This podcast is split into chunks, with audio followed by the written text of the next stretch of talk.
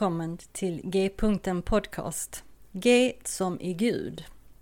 Jag heter Monica Albin och detta är en podcast för oss som är på en resa i tro och liv, i andlighet och allt som har med Gud att göra. Vad nu Gud betyder för oss. En öppen atmosfär där inga frågor och funderingar är dumma och där vi tillsammans ska få vidga vyerna. G-punkten betyder att Gud är mittpunkten, i centrum av samtalen och genomsyrar allt och alla. Och därifrån är vägarna öppna att fortsätta framåt och utforska nya vyer. Samtala de stora frågorna på ett vardagligt sätt hoppas jag att podcasten ska kunna erbjuda. Tack för att du vill vara med på den här resan. Så välkommen på resan mot G-punkten.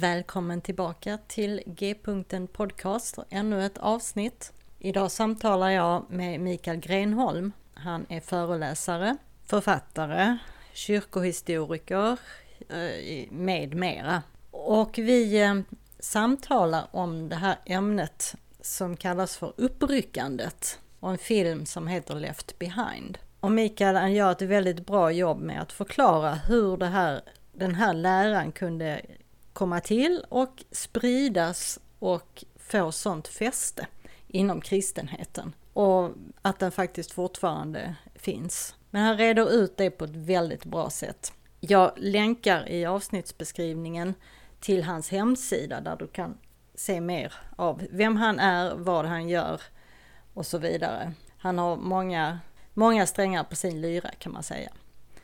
Men vi dröjer inte längre nu utan vi går in på samtalet med Mikael.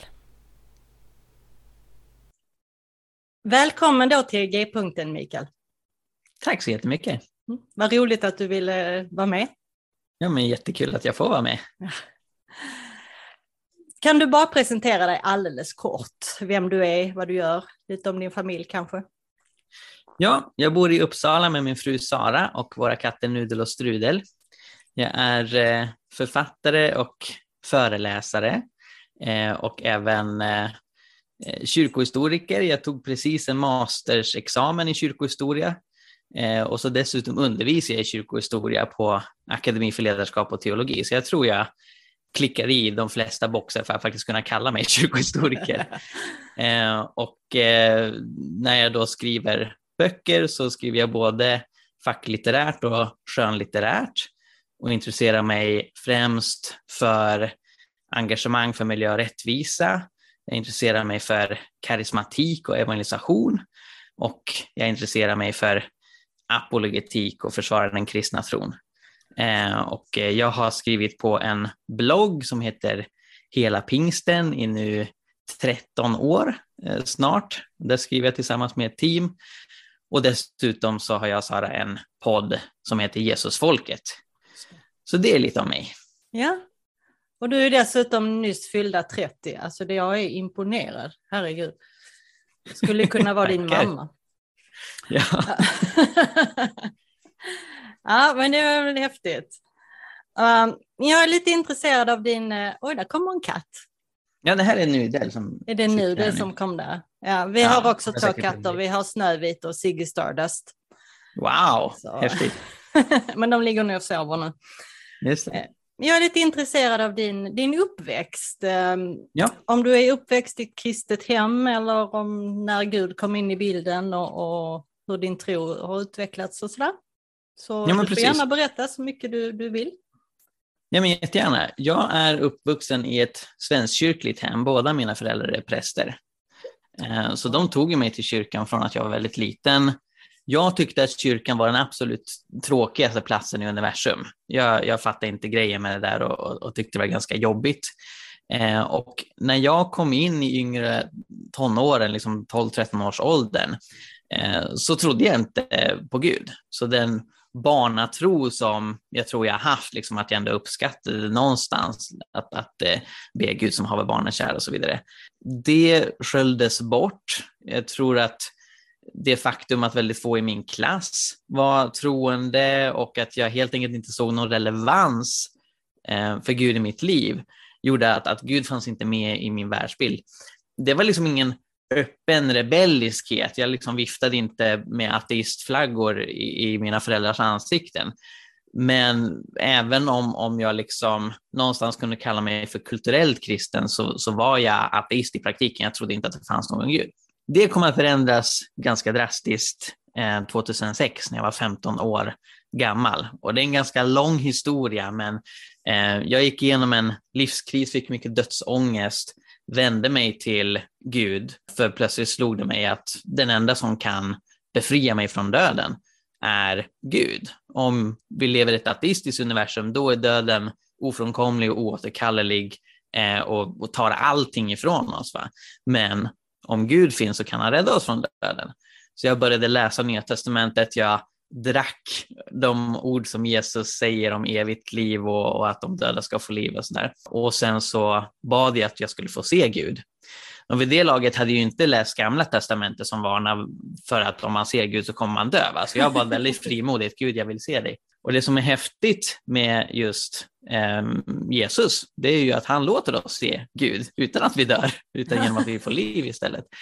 Så efter att jag hade bett den bönen så såg jag Jesus varje kväll när jag gick och la mig, jag slöt ögonen, så såg jag Jesus framför mig. Och det var inte bara de kvällar när jag kände mig väldigt religiös, utan jag kunde liksom ha glömt bort det där, slutade ögonen, se Jesus igen. Och det var mitt första tydliga, konkreta bönesvar. Jag tror att Gud säkert hade svarat på andra böner och mina föräldrars böner tidigare, men, men den händelsen var väldigt fundamental för mig och det satte igång min resa som kristen. Spännande. Och då var du 15? Ja, så nu har jag varit liksom troende kristen i halva livet. Ja, just det.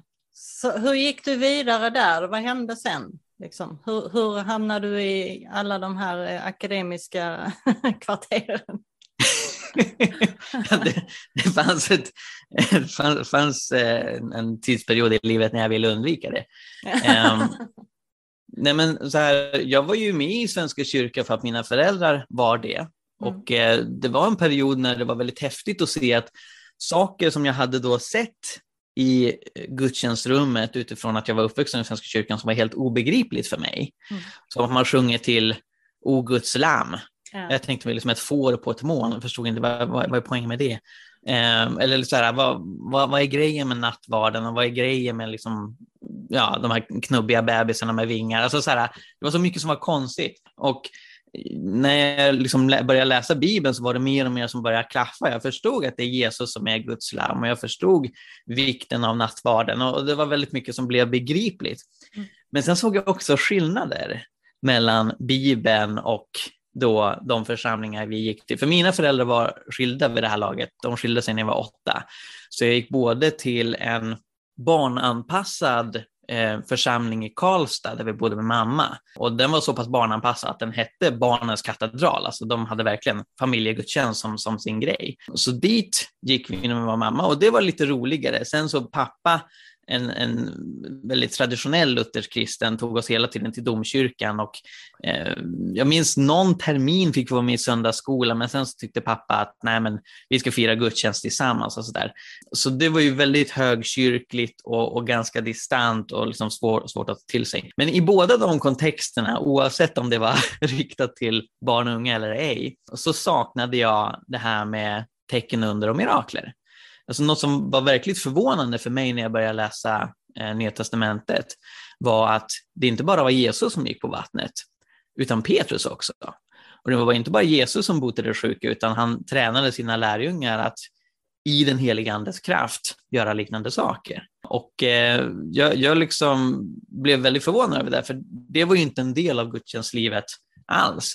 Sen kanske det liksom skedde att man, man bad för helande i mer liksom privat eh, själavård och sådär, men det var inget som, som man såg när man gick till kyrkan. Men, men så upptäckte jag via internet att det fanns ju kyrkor som verkligen betonade det här. Eh, och, och, på den tiden så hade jag en väldigt simplistisk indelning av det ekumeniska landskapet. Så jag tänkte i Svenska kyrkan, där tror man inte på mirakler, men i frikyrkan, där gör man det. Så då sökte jag upp en frikyrka, nämligen Korskyrkan i Karlstad.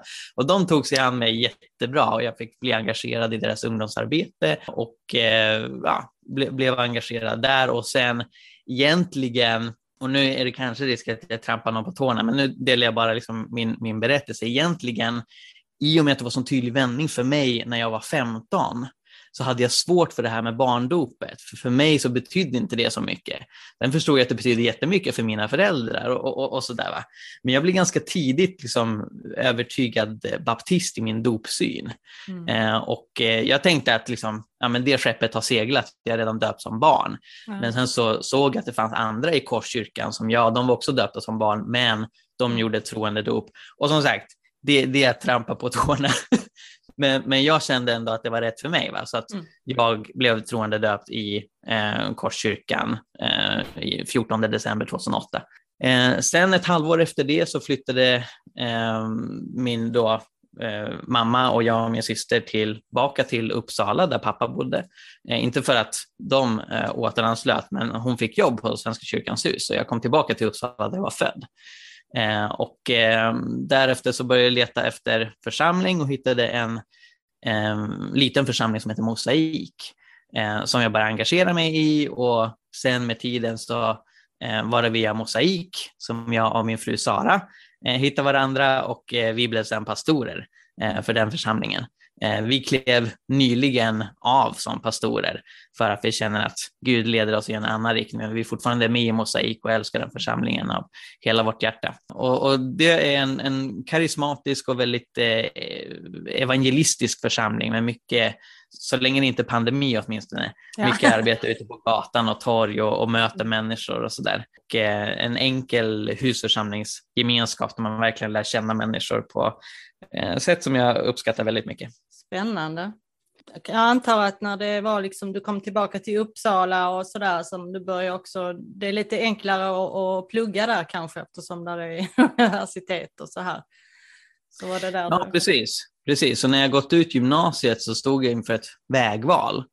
Eh, om jag skulle läsa teologi eller om jag skulle läsa utvecklingsstudier och eh, lära mig mer om hur man bekämpar fattigdom. För det var något som jag hade förstått väldigt tidigt när jag började läsa Nya Testamentet. Jesus vill att vi ska hjälpa de fattiga och Jesus mm. vill att vi själva ska göra uppoffringar och leva enkelt mm. istället för att sträva efter rikedom så att vi kan hjälpa fler fattiga människor. Och eh, jag valde utvecklingsstudier så jag läste till ett kandidatprogram i det som kallas för freds och utvecklingsstudier som då eh, ja, men uppmärksammar hur man arbetar för fredsprocesser i utvecklingsländer, hur man bekämpar fattigdom och, och, och så vidare. Men sen så tänkte jag att eh, alltså så här, ett litet tag tänkte jag mig liksom arbeta på någon biståndsorganisation som någon handläggare och sånt där, men, men så minns jag att jag tänkte, nej men Gud vill att jag ska predika och jag kunde använda liksom mina lärdomar i globala studier i tjänst i, i församling och missionsorganisation och sånt där. Mm. Så då började jag läsa teologi på Johannelunds teologiska högskola, tog en kandidat där eh, och sen så hakade jag på ett masterprogram på Uppsala universitet i kyrkohistoria. Eh, och det var också lite upp i luften om det skulle bli kyrkohistoria eller systematisk teologi eller vad det nu skulle bli. Men jag insåg att med kyrkohistoria då kan man få väldigt mycket på köpet. Mm. För då kan jag titta på hur andra har tänkt kring systematisk teologi tidigare och, och mm. även hur andra har tolkat Bibeln och så där. Så kyrkohistoria är lite all inclusive eh, paket för allt som har med, med kristet tänkande att göra. Mm. Eh, det enda som gäller är att man hittar någon som har tänkt kring det här tidigare och så kan man utifrån det hitta saker. Och eh, då så ehm, har jag i samarbete, eller jag, jag har blivit involverad i det som kallas för Institutet för pentekostala studier, eh, som är ett samarbete mellan Uppsala universitet och Akademi för ledarskap och teologi. Eh, som tittar helt enkelt på den pinkskarismatiska rörelsen. Eh, det är väldigt länge som det inte har skett så mycket forskning på den rörelsen, men nu så växer det jättemycket. Okay. Eh, och jag insåg att det finns väldigt lite, faktiskt ingenting skrivet om hur svenska pingstvänner har resonerat kring krig och fred. Mm. Så det valde jag att skriva masteruppsats om och det blev jag klar med i måndags. Ja, just det. Och eh, då när jag tittade närmare på hur pingstvänner resonerar kring krig och fred på 60-talet i Sverige, så blev det väldigt tydligt att här måste jag lära mig mycket om eskatologi, alltså hur man tänker kring den sista tiden. För att även om pingstvänner var den största grupp som vapenvägrade i Sverige på 60-talet, så eh, mellan 40 och 50 procent av de som angav religiös motivering till vapenvägran var pingstvänner. Och även om väldigt många, om inte de flesta pingstvänner var emot Vietnamkriget. Mm. Levi Petrus var ett undantag för det. Han, han var för USAs invasion, men han, han stack ut väldigt mycket. Så de flesta pingstvänner var mot Vietnamkriget, de var emot att, att bära vapen här på hemmaplan, de var emot kriget i Kongo. Mm. Sen var de för att Israel ägnar sig åt krigföring mot eh, Egypten och Syrien och, och Jordanien och sådär. Och eh, den främsta orsaken det var ju hur, hur man tolkade gammaltestamentliga profetier i synnerhet, men även vissa nytestamentliga texter om den sista tiden, mm. där man hade övertygelsen att eh, Israel kommer vara involverat i krig som en mm. del av, av Guds plan för vad som hända i den sista tiden. Det kommer leda fram till ett tredje världskrig, antikrist, kommer mm. resa sig förmodligen genom eh, den europeiska gemenskapen eller liknande. Eh, och sen kommer massa saker hända. Mm. Eh, så då har jag liksom fått djupdyka i olika predikanter som var aktiva på den här tiden. De åkte ofta runt med lakan. Stora lakan kallas för lakanspredikanter. Och på dessa lakan så hade de detaljerade scheman, det är som oh. ett skiffer nästan, av allt som ska hända. Och, och det var ja, en väldigt eh, komplicerad eskatologi som, som försöker detaljerat beskriva allting som ska hända. Eh, och de är ofta fel och behöver revidera vad de tidigare har sagt för att det ska uppdateras med, med de senaste politiska händelserna. Eh, men det gjorde att en av de här predikanterna som jag studerat i synnerhet, som heter Folke Torell, när sexdagarskriget bröt ut eh, i mm, ja, området kring Israel, då så blev Folke Torell citerad i Dagen. Han sa det här är helt fantastiskt. Ja. Oh.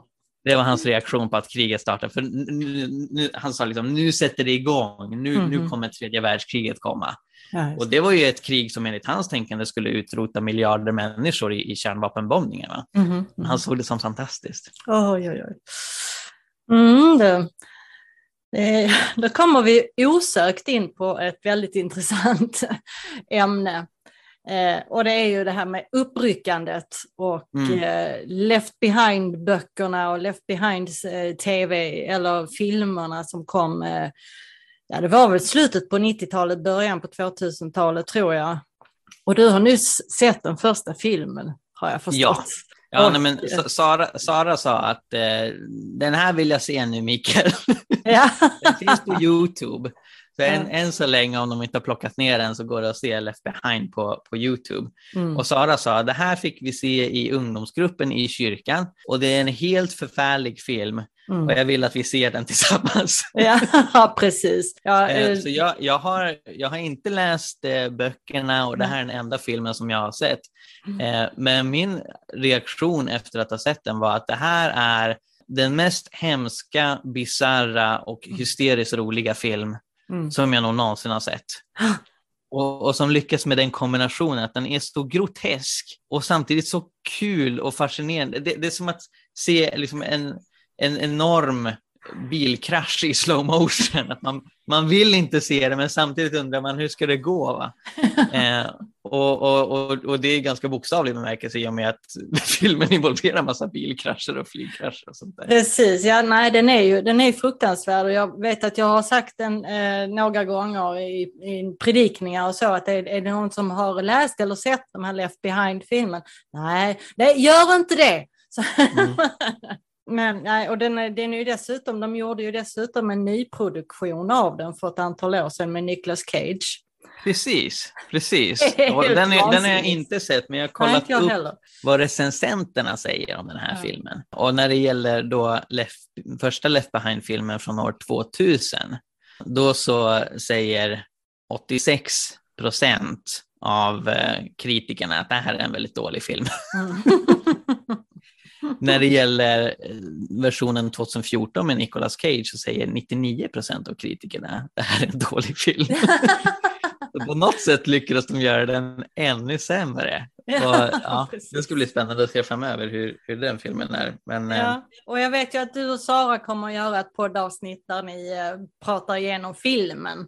Mm. Och, eh, så vi, vi, ska inte gå in mer på det här, men däremot så ska vi eh, verkligen gå in på dina kyrkohistoriska kunskaper. För hur har det kunnat bli så här?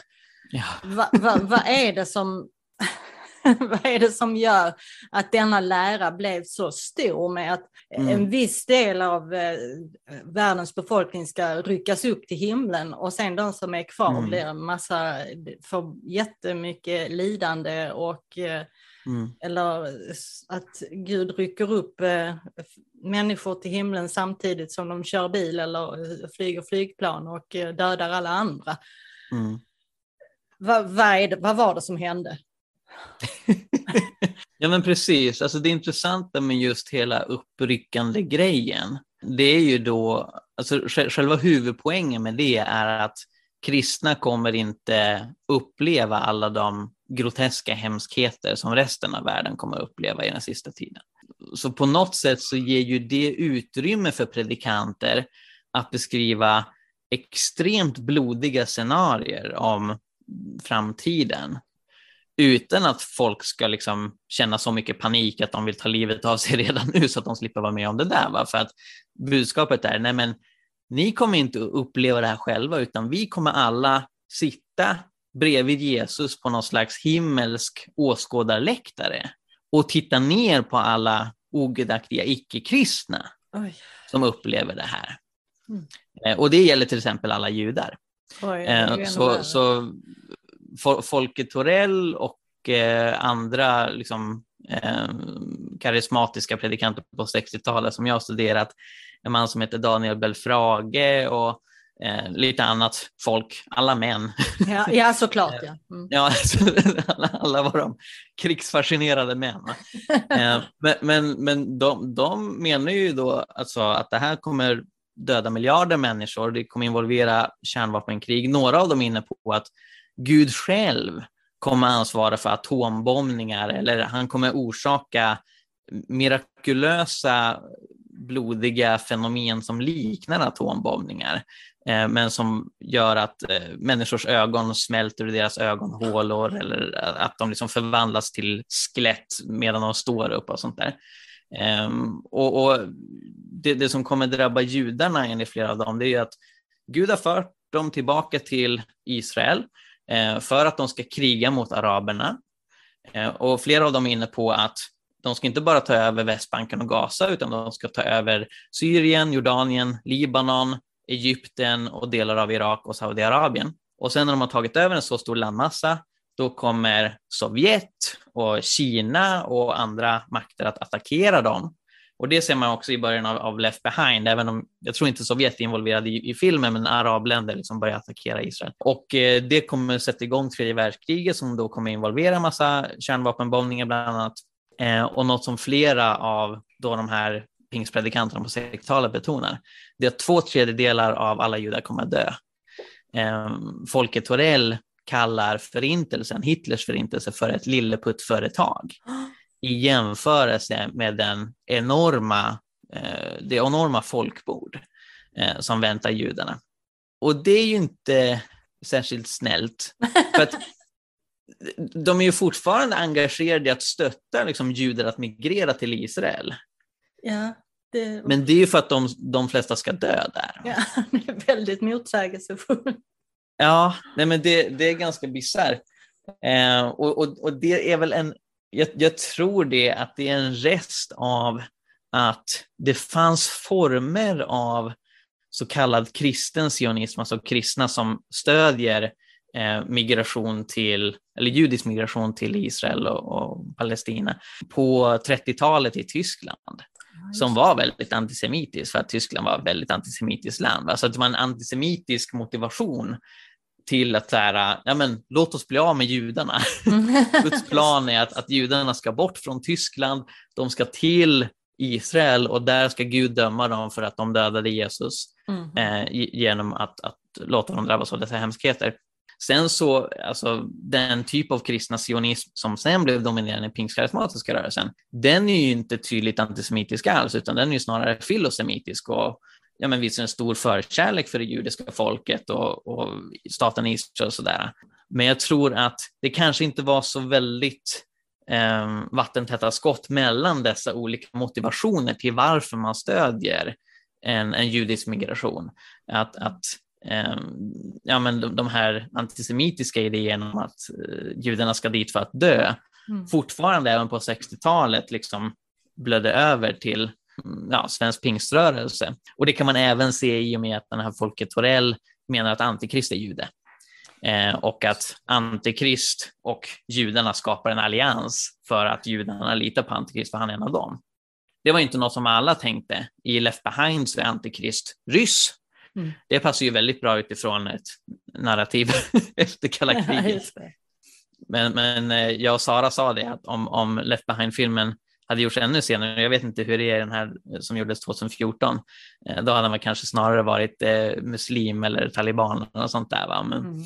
han är ryss I vilket fall, min poäng är att, att eh, mycket av, av det här predikandet om den sista tiden som skeddes inom den rörelse som kallas för premillennialism, vilket i grund och botten är idén att eh, Jesus kommer tillbaka innan tusenårsriket som är en gyllene period för kyrkan och världen.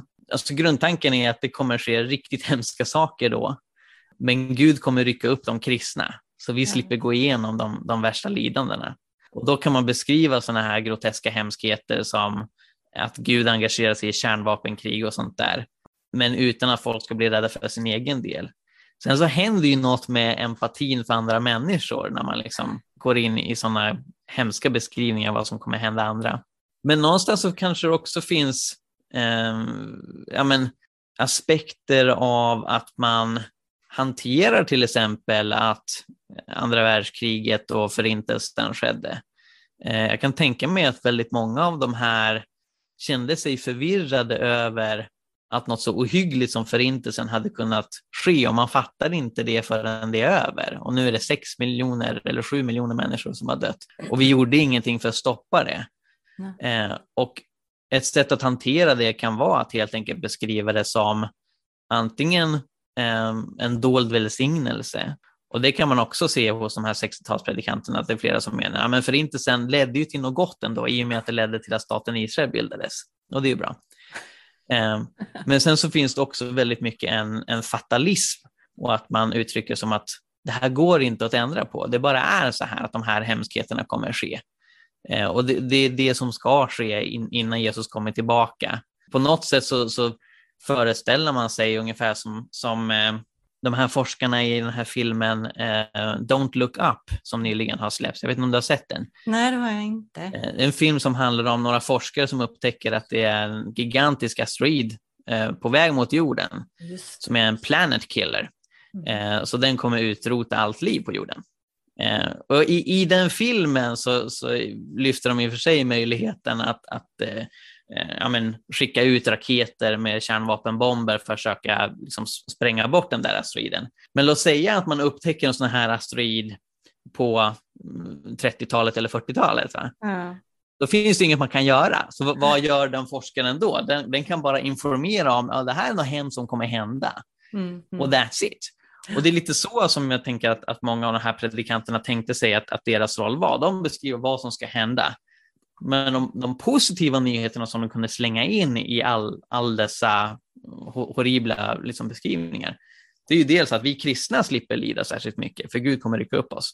Och sen att det hela kommer leda till att Jesus kommer tillbaka, tusenårsriket där det kommer vara fred och välgång i tusen år kommer komma. Så all, allt kommer bli bra ändå. Eh, och det är väl kanske liksom traumabearbetning på något sätt. Men uppryckandet var en väldigt ny idé. Yeah. Så, så den lanserades på 1800-talet eh, av en eh, man, eller i alla fall den populariserades av en man som hette Darby. Och han tillskrivs ja, men den, den riktigt stora auktoriteten när det gäller det som kallas dispensationalism. Ett svårt ord att uttala men som ändå haft massiv påverkan mm. eh, på hur kristna har tänkt kring den sista tiden, eh, de senaste hundra åren, i synnerhet karismatiska evangelikala kristna. Grundidén i dispensationalismen är att tids, eh, tiden är indelad i olika dispensationer, vilket betyder tidsåldrar. Eh, så Gud har ett väldigt strikt schema för hur han eh, agerar med mänskligheten och olika delar av mänskligheten i olika delar av dessa tidsåldrar. Och det finns många av dem. Men en, en viktig aspekt av det är att eh, just nu så, så råder kyrkans tidsålder och under den tidsåldern så det skiljer sig från tidsåldern med apostlarna när Gud agerade på ett sätt och till exempel gjorde mirakler. Sen tänkte sig Darby att Gud slutar göra mirakler i den tidsålder som, som råder nu, men att han fortfarande agerar med det judiska folket. Så redan på 1800-talet så utvecklades det idéer om att judarna kommer återvända till Israel. Och som sagt, vissa hakade på den idén och hade antisemitiska motiveringar bakom det. Jag tror inte Darby hade det, utan han eh, förstod det som att nej men, Guds plan är att föra judarna tillbaka till Israel, baserat främst på texter i Gamla testamentet. För om man läser Uppenbarelseboken, från pärm till pärm, så står det inget om att judarna ska återvända till Israel. Nej. Det finns inte där. Va? Eh, men Darby lyckas liksom hitta det utifrån eh, främst gammaltestamentliga passager. Och sen så kom ju dels då idén om uppryckandet och så den här betoningen på att det skulle se, ske liksom fruktansvärda saker i den sista tiden. Det skilde sig ganska drastiskt mot vad som var en mycket mer populär föreställning om den sista tiden i eh, både Europa och USA på 1800-talet. Och det var postmillennialismen. Och postmillennialismen menar att Jesus kommer tillbaka efter tusenårsriket. Så i grund och botten kan ju det uppfattas som en ganska nyansskillnad. Så Darby, han tror på premillennialismen eh, och menar att Jesus kommer tillbaka innan tusenårsriket, i kontrast till de flesta andra kristna som menar att Jesus kommer tillbaka efter tusenårsriket. Men skillnaden blir här att i och med att tusenårsriket är en guldålder, där det råder fred, där det råder rättvisa, där i princip alla har, har tagit emot Jesus och, och världen är en väldigt bra plats att leva på. Så behöver Jesus liksom inte själv tydligt gripa in och kliva ner från molnen för att realisera det. Utan hur realiseras tusenårsriket? Jo, Jesus arbetar genom sin kyrka. Mm. Så det var postmillennialister som var väldigt drivande i att utveckla diakoni, mm. i att eh, ja, men ägna sig åt mission som inte bara predikar evangeliet för andra folkgrupper utan även bygger sjukhus och mm. hjälper människor praktiskt och, och sådär. Postmillennialismen generellt har en väldigt stark betoning på fred och rättvisa och menar att världen blir bättre och bättre. Och det var ju något som också knöt an till ja, men de tekniska utvecklingar och de medicinska utvecklingar som man såg mer och mer på 1800-talet och som skedde liksom, ja, av ett resultat av industrialisering och att eh, både Europa och USA blev rikare och sådär. Så det var ju liksom något som flöt väl med tidsandan. Och så fanns den här lilla minoriteten premillennialister som istället då menar att nej, det kommer bli värre och värre och värre. Mm. Och sen kommer Jesus komma tillbaka och så puff blir allt bra igen. Eh, så tusenårsriket förutsätter inte att Jesus använder oss för att bygga upp något, Nej. utan snarare kommer allt raseras av antikrist onda makter. Och sen kommer Jesus eh, kliva ner, hugga huvudet av alla onda och så bygg, byggs det upp något vackert istället. Va? Och i kontrast till båda dessa syner kan nämnas så finns amillennialismen som är den dominerande synen under största delen av kyrkohistorien, eh, i synnerhet i katolska traditionen. Och som helt enkelt menar att ja, men det här att det står om ett, eh, ett rike som består i tusen år i Uppenbarelseboken, det är inte bokstavligt menat tusen år, Nej. utan det är en bild för att Gud genom kyrkan sprider fred i världen. Mm. Mm. och ja, det, det, har varit den dominerande synen. Men, men som sagt, i protestantisk kristendom på 1800-talet, då, då fanns det mer än övertygad om att nej, men det handlar om ett bokstavligt tusenårsrike. Men det var en debatt om Jesus kommer tillbaka före eller efter. Och det ledde väldigt drastiskt till om man såg optimistiskt på framtiden eller pessimistiskt. Ja. Men sen kommer första världskriget som väldigt mycket raserar, inte bara inom protestantisk kristendom, utan också ja, Europa och västvärlden generellt. Mm. Det raserar framtidsoptimismen.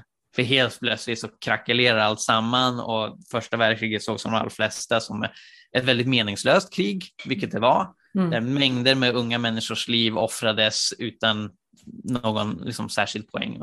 Och efter det så sa man aldrig mera krig och det var det stora kriget. Man kallar ju inte det för första världskriget Nej. innan det fanns ett andra. Så förhoppningen var ju att okej, okay, det här var det sista kriget som vi någonsin ägnade oss åt, men andra världskriget som dessutom för med sig eh, det värsta största folkmordet som vi har sett. Då. Och, och, och det leder till en utbredd pessimism.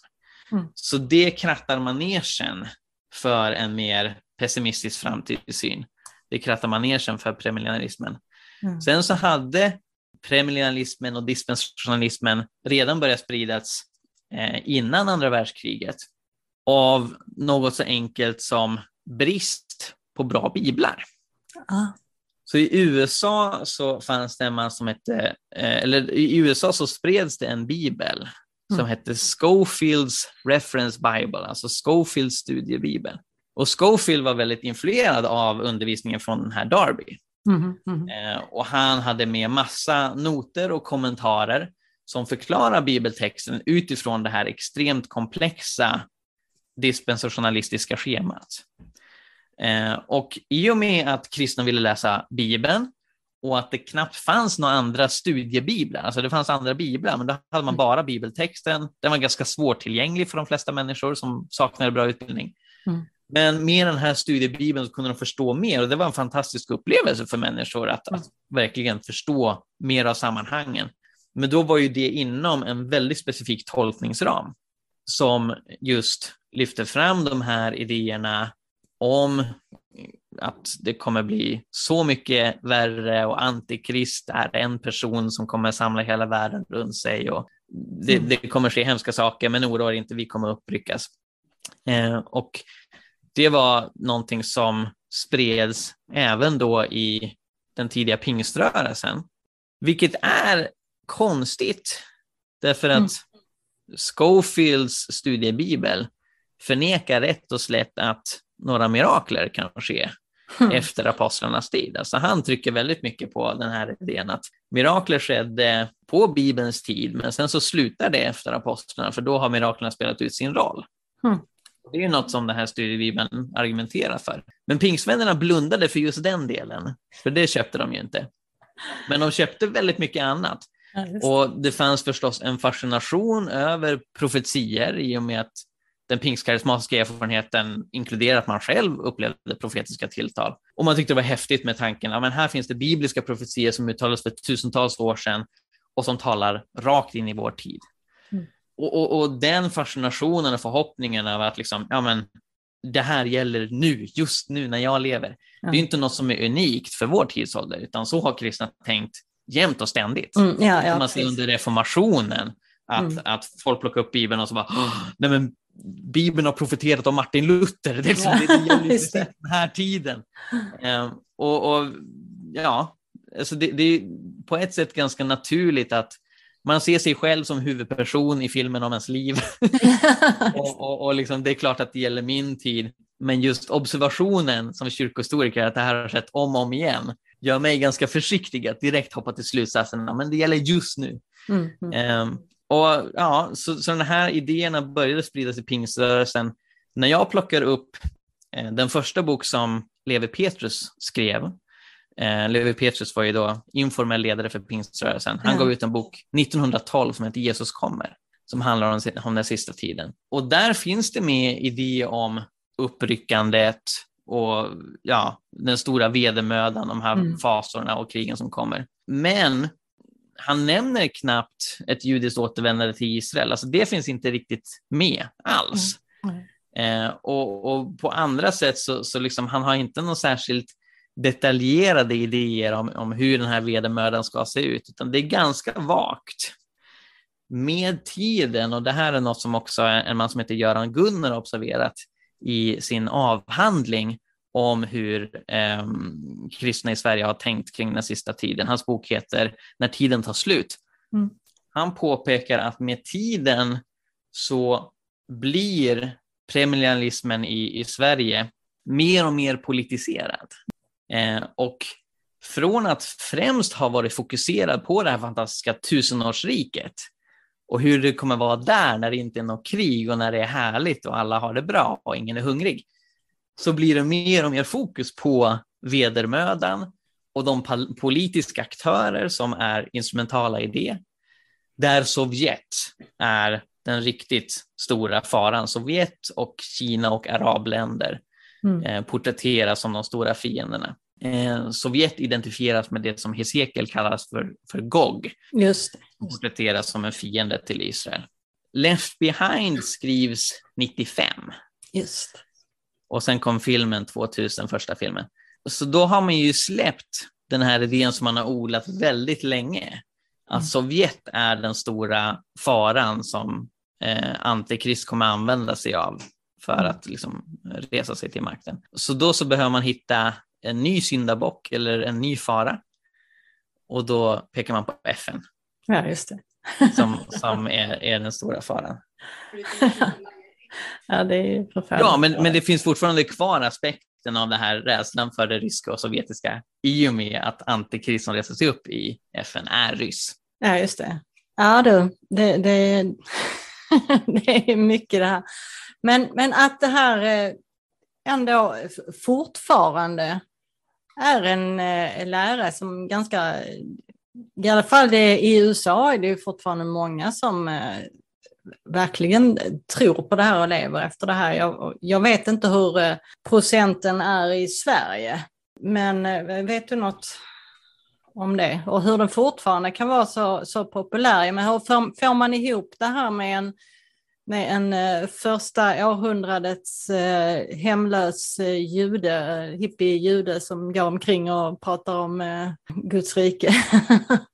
men precis. Jag vet inte exakt hur det ser ut med procentsats när det gäller i Sverige, men, men jag tror definitivt man kan säga att eh, den här klassiska dispensationalismen är mycket mer utbredd i USA än den är här. Mm. Mm. Inte minst för att i USA så finns det ju hundratusentals, om inte miljontals kristna som går på den här klassiska linjen att eh, dispensationalismen är sann rakt igenom, inklusive det här att, att mirakler inte sker idag. Mm. Eh, så det finns ju en hel del kristna som, som är så kallade cessationister som menar att eh, andens gåvor upphörde med apostlarna.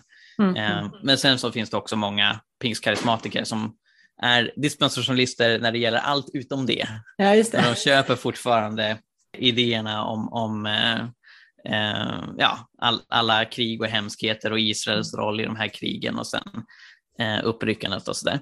Men det är ovanligare i Sverige, i synnerhet bland ledare. Så det gjordes en studie för eh, fem, sex år sedan nu av Oskar Svensson. Han har skrivit en studie som heter Ett sekel av pentekostal eskatologi, där han jämför då vad Levi Petrus skriver i Jesus kommer 1912, som blev väldigt inflytelserik över hur pingstvänner tänkte kring sista tiden, med hur teologiska nätverket i pingst formulerar sig kring sista tiden i en skrift med samma namn, ah. Jesus kommer, som gavs ut 2012. Oj. Exakt hundra år senare. Aha, aha. Och det han kommer fram till är att nej men, när pingst centralt ska sätta sig ner idag och resonera kring hur ser vi på den sista tiden, då är det inte den här klassiska dispersonalismen. De, de lyfter inte fram ja, men de här idéerna om, om uppryckandet och, och, och allt det där. Va? Premillennialismen särskilt tydligt. Det finns ju möjligtvis fortfarande någon slags öppenhet att det kanske är så, men det de snarare betonar, det är ju alltså idéer om att eh, eh Guds rike är redan nu men ännu inte. Mm. Eh, och att eh, Guds plan för den sista tiden, att vi ska bli mer och mer Kristuslika redan nu och sen kommer Gud gripa in och, och göra den sista knuff för att allt ska bli bra. Eh, men alla de här komplicerade detaljerna mm. som har kännetecknat pingströrelsen innan, det, det har sköljts bort ganska mycket. Det finns fortfarande förstås vissa som driver det här, eh, inte minst tidskriften, är det Flammor eller Eh, och, och, det är ju en skrift som inte är särskilt populär idag, men som, som eh, ändå finns där. Mm. Och jag stötte på den för första gången för, för 10-12 år sedan och då var det artiklar om att det är nu det sker. Ja. Det är nu som EU blir en superstat som antikrist kommer resa sig upp. Det är nu Israel kommer börja kriga mot sina arabstater på ett nytt sätt. Eh, det är nu som eh, vilddjurets märke kom, kommer opereras in i oss i form av ett chip ja, eh, i handen och i pannan för att kontrollera oss. Aha, aha. Och det är väl det de fortfarande skriver så här 10-12 år senare. Nej, men det är nu det sker. och det kan man ju också se hur en hel del, och inte bara influens av, av flammor, utan alltså mm. influens från sociala medier och YouTube, tänker sig att coronaviruset och i synnerhet vaccinet mot coronaviruset har med det här att göra mm, på ganska mm. bisarra sätt. Alltså jag såg ändå en hel del som menade att det är vaccinet som kommer föra in ett chip i pannan och i handen. Ja, just det. Mm. Vilket ju inte går. Nej. Sådana chip finns inte. nej, nej, just det. Eh, men, men, och, och, och, det är ju inte där man stoppar det vaccin. Alltså om, om någon säger kan jag få vaccinera dig, då kommer de inte sticka in en sprut i pannan på en. Men, men det spelar mindre roll, för alltså, mm. det handlar väldigt mycket om fascinationen, rädslan och, och just ja, men, tanken att, att man själv är i centrum för historien. Ja, eh, och, och, om man har liksom en grundläggande skepticism mot det som är nytt och främmande, vilket de flesta människor har, mm. eh, och, och, är lite osäker på vad det här vaccinet innebär, så är det väldigt lätt att man placerar in det i ett schema mm. som, som eh, gör sig väldigt lätt för konspirationsteorier. Och det är något mm. som är väldigt tragiskt med hela det här dispensationalistiska systemet. Mm, mm. Att i och med att man trycker på att Antikrist reser sig ur skuggorna och det verkar som att han är god. Det mm. syns ju också i Left behind. Va? Det verkar som att han står för fred och hungerbekämpning. Men egentligen så är han en mordgalen satanist som vill döda så många människor som möjligt. Det, det, är ju upplagt för konspirationsteorier. Mm. Och något av det mest bisarra som jag tycker eh, fanns med i Left behind-filmen, det är att det finns med en karaktär, jag tror han heter Dirk, ja, som är en riktigt, riktigt inbiten konspirationsteoretiker. Just, just. Och, och, och skådespelaren som spelar honom liksom framställer honom verkligen som en riktig galenpanna som pratar osammanhängande. Bara, ja, nu, nu kommer det bli en och samma valuta för allt och sen kommer de, de kommer ta över allt. Och, och, och sådär va. Och det går knappt att förstå vad han säger, men det är liksom riktigt den här stereotypen mm, mm. av en konspirationsteoretiker som är, är bortom räddning. Så det visar sig att han hade helt rätt. Ja. och, och det är det som är så bisarrt. Och jag vet inte hur mycket var det skådespelarens insats mm. när han såg att okej, okay, den här killen tror på konspirationsteorier, då ska jag framställa honom som det.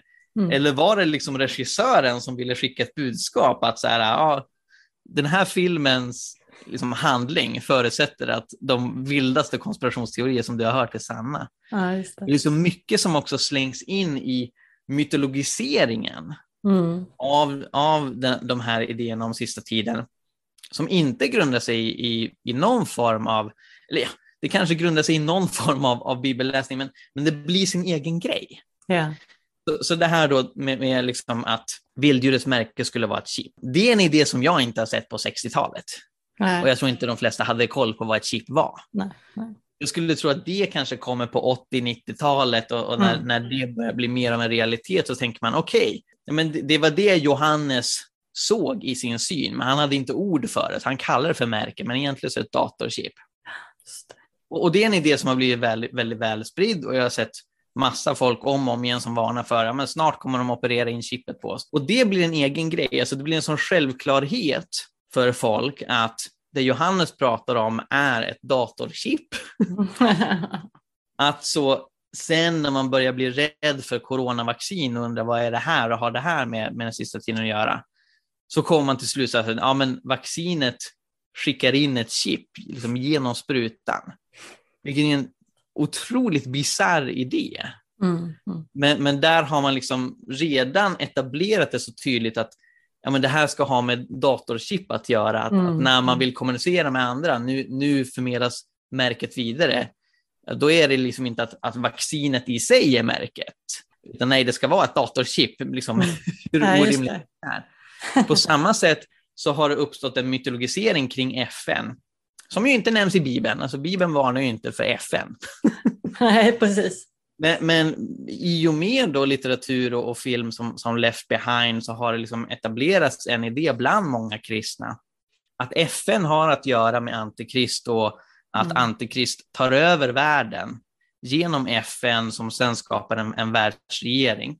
Och det gör i sig att när FN flera år senare lanserar ett initiativ som Agenda 2030 och mm. de globala målen, som syftar till att utrota hungern, utrota fattigdom, förbättra jämställdheten, förbättra miljön, så är det en hel del kristna, i synnerhet i pingstkarismatiska kretsar, som menar att det här är antikristligt. Och, och, och, och, det är ju så otroligt tragiskt att man tittar mm. på någonting som är objektivt bra. Om man tittar på allt som finns i världen, det finns massa skit i världen. Mm. Det finns massa politiska rörelser som väldigt tydligt vill göra världen till en sämre plats för de fattiga och för flyktingar. De, de, de är inte liksom otydliga med det alls. Men det man riktar in sig på och menar den största faran, det, det är den här institutionen som med hjälp av samarbete över landsgränserna faktiskt vill bekämpa fattigdom. Ja, och, och, det grundar man sig på bibelversen från Paulus, jag minns inte vilket brev, eh, men han säger att djävulen framställer sig som ett ljusets ängel. Ja, just det. Och då tänker man att okej, okay, om något låter bra, om något ja. låter fantastiskt, det är fred och välgång, då är det hemskt. Ja, just.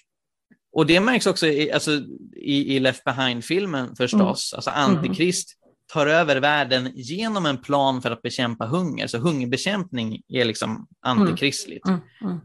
Och det finns en, en replik eh, i filmen eh, där en av personerna som, som har lierat sig med Antikrist säger att det var ingen av våra biståndsarbetare som blev uppryckt och försvann.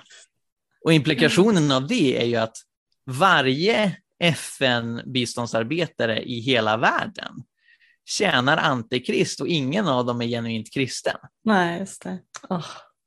Så man, man liksom, ja, framställer det som sprider fred och rättvisa och miljövänlighet som något ont och, och hemskt. Eh, och, och, och, det återigen, det har ingen särskilt god liksom, bibelgrund. Paulus poäng är ju inte akta er för de där som sprider fred och rättvisa och hunger, hungerbekämpning. Va? Det, det, är inte det han försöker säga. Men, mm. men, men det har liksom skapats en egen mytologi kring det här som är ganska frikopplad från Bibeln, mm. men som ändå liksom bakar sig in så djupt i folks mm. teologiska tänkande att de har svårt att se det på något annat sätt. Precis.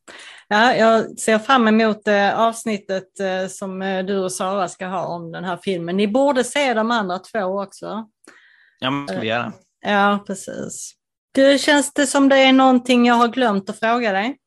Det är en sak till som jag skulle vilja lägga till. Ja, gör det. jo, för att det här med, med att djävulen är ljusets ängel eller liksom tolkning av vilddjurets märke, det är ju lite på eh, marginalen i, mm. i bibelläsningen kring det här. Den mest centrala bibelversen för hela uppryckande teologin, det finns i första Thessalonikerbrevet 4. Och det är ett bibelställe som de citerar i Left Behind väldigt tydligt som det här förklarar allt det som har skett. Det här att eh, kristna har teleporterats bort över hela världen, vilket resulterar i enorma bilkrascher och flygkrascher och döda hundratusentals människor. Allt det grundar sig i, i det här bibelstället. Så de läser upp det i filmen och det är då första Thessalonikerbrevet kapitel 4, vers 16 och 17. När en befallning ljuder, en ärkeängels röst och en Guds basun, då ska Herren själv komma ner från himlen och de som har dött i Kristus ska uppstå först. Därefter ska vi som lever och är kvar ryckas upp bland skyar tillsammans med dem för att möta Herren i rymden och så ska vi alltid vara hos Herren. Och det lyfter man fram som, ja men det är precis det här som har skett de kristna har blivit uppryckta, uppryckta till Herren i rymden. De är i himlen hos Jesus, eh, mm. uttrycker de det som. Men det Paulus säger är ju först hörs en Guds basun, en ärkeängels basun, och så de som har dött i Kristus ska uppstå. Mm, mm. Så det Paulus beskriver är uppståndelsens dag, alltså det är den mm. sista dagen. När, Mm. när de som har dött uppstår till livet. Mm. Och Paulus tänker ju sig inte en andlig uppståndelse utan en fysisk uppståndelse, man får, får tillbaka sin kropp och, och, och är, är kroppslig igen. Mhm. Och det händer ju inte i Left Behind. Nej. För det händer inte enligt det här dispensionalistiska schemat, utan själ- själva grejen är att alla som är kristna och lever, de teleporteras bort. Mm. Och sen så händer massa vedermödor och krig och, och fasansfullheter. Sen Mm. blir det ett tusenårsrike där eh, man, man blir kroppslig igen och lever med Jesus. Och därefter sker domedagen. Och, och det är liksom ingen som kommenteras i filmen att liksom, hmm, det här låter konstigt eller så här, de erbjuder ingen förklaring till det. Sen så är det ju också så pinsamt att hela ja, men tankesättet kring att det Paulus skulle uttryckas är att vi liksom kristna tas bort från jorden och så är vi med Jesus någon annanstans i en, en himmel bortom den, den här fysiska planeten. Och, och det är ju så många kristna tänker, att liksom, himlen, då svävar man omkring liksom, immateriellt och kroppslös som, som spöken i, i någon slags liksom, fluffig molnvärld. Ja. Men det ord som Paulus använder här för att möta Herren, det används på två andra ställen i Nya Testamentet. Eh, det används i Matteus 25 och så används det i slutet av Apostlagärningarna, jag tror det är Apostlagärningarna 28. I båda de fallen så är det väldigt tydligt att det ordet betyder, ehm, om man ska översätta det väldigt eh, stolpigt eller direkt, det är att möta för att leda in. Mm, mm, i Matteus 25 så handlar det om att man välkomnar brudgummen som kommer till bröllopsfesten, så man möter honom vid porten och Mhm. leder honom in i festen. Och när det används i apostlagärningarna, då är det att de kristna i Rom möter Paulus vid stadsporten, leder honom in i staden. Mm, Så det är det som Paulus eh, uttrycker här, att det handlar om att vi möter och firar att Jesus kommer och följer med honom tillbaka till jorden mm. och sen så förvandlar Jesus det till en ny evig jord eh, där Mm. ingen längre lider och dör. Alltså det, det är ju det bibliska scenariot Mm, mm. som eh, dispensationalismen har, har tappat bort. Så det Precis. kallas ibland för en eskapistisk teologi, att man, man escape, man flyr Mm, ja, från den här precis. jorden. Och, och som, som Levi Petrus skriv, skriver, eh, himmel, jord må brinna. Ja, ja, Allt precis. ska ja. liksom bara explodera och så, så skapar Gud något helt nytt från, från ingenting. Mm. Men det Bibeln snarare beskriver är ju att ja, men den här skapelsen som Gud sa, det är gott. Och Ja. Gud älskar den här skapelsen, han förnyar den Precis. eh, och liksom bygger på den grund som redan finns. Mm. Eh, och det är ju något som har fallit bort utifrån att våra bibelöversättningar kanske inte är liksom tillräckligt exakta ibland och många har dålig koll på grundtexten. Men sen så ja, bygger dispensationalismen väldigt mycket på ett komplext schema som är väldigt svårt att komma fram till helt själv i sin egen bibelläsning. Utan det handlar om att folk får de här tolkningsglasögonen Mm. från sin kyrkotradition eller från Just. sin studiebibel och som tränas in i att tänka på det här sättet. Ja, precis. Ja, vi, får, ehm, vi, får vara, eh, vi får lite avsluta med att säga att himlen kommer till jorden. Det är inte vi som ska flyga iväg någon annanstans. Men du, jag har en eh, sista fråga som jag alltid frågar mina gäster. Ja, Och det är, eh, var finner du njutning och välbehag just nu? oh. eh, ja, nej, men jag finner, eh, jag finner njutning och välbehag i att få Ja, men även om, om pandemin liksom kommer med nya påfrestningar, med en ny våg och så vidare, så är jag jättetacksam för, mina fru, för min fru och mina kattungar. Jag har inte flera fruar, jag vill Nej, bara göra det tydligt för podden. eh, nej men så, så jag ser fram emot att ha en lite lugn period eh, och sen så ser jag också fram emot att få ägna mig mer åt bokskrivande. Jag har ju precis blivit klar med min masteruppsats och det har varit spännande att skriva den, men det är också lite torrt att skriva akademiskt. Mhm. Så jag ser fram emot att skriva mer skönlitterärt och, och ägna mig åt kreativt skrivande. Mm, härligt. Eh, Du är ju hjärtligt välkommen tillbaka till min podd i något eh, annat ämne. Det Tack så finns mycket. mycket att gräva i där förstår jag. Men tack än en gång för att du ville göra det här. Ja men absolut, tack själv. Så eh, sköt om dig och din fru och dina katter. Det ska jag göra. Hej då. Hej hej. Mm, det var intressant tycker jag. Det var mycket på en gång, mycket att smälta. Kanske något man behöver lyssna på flera gånger. Som sagt så är där länkar i avsnittsbeskrivningen och även på bloggen då. Tyckte du om det här så dela gärna med dig på dina sociala medier och till dina vänner. Och eh, följ även Facebook-sidan då och bloggen. Och idag slutar jag med en välsignelse från Iona. Välsigna oss Gud med solens ljus ovan oss, med jordens kraft under oss, med vänners omsorg runt omkring oss, med din avbild djupt inom oss och med din framtid som väntar oss. Amen. Sköt om er så hörs vi igen nästa vecka. Hej Hejdå.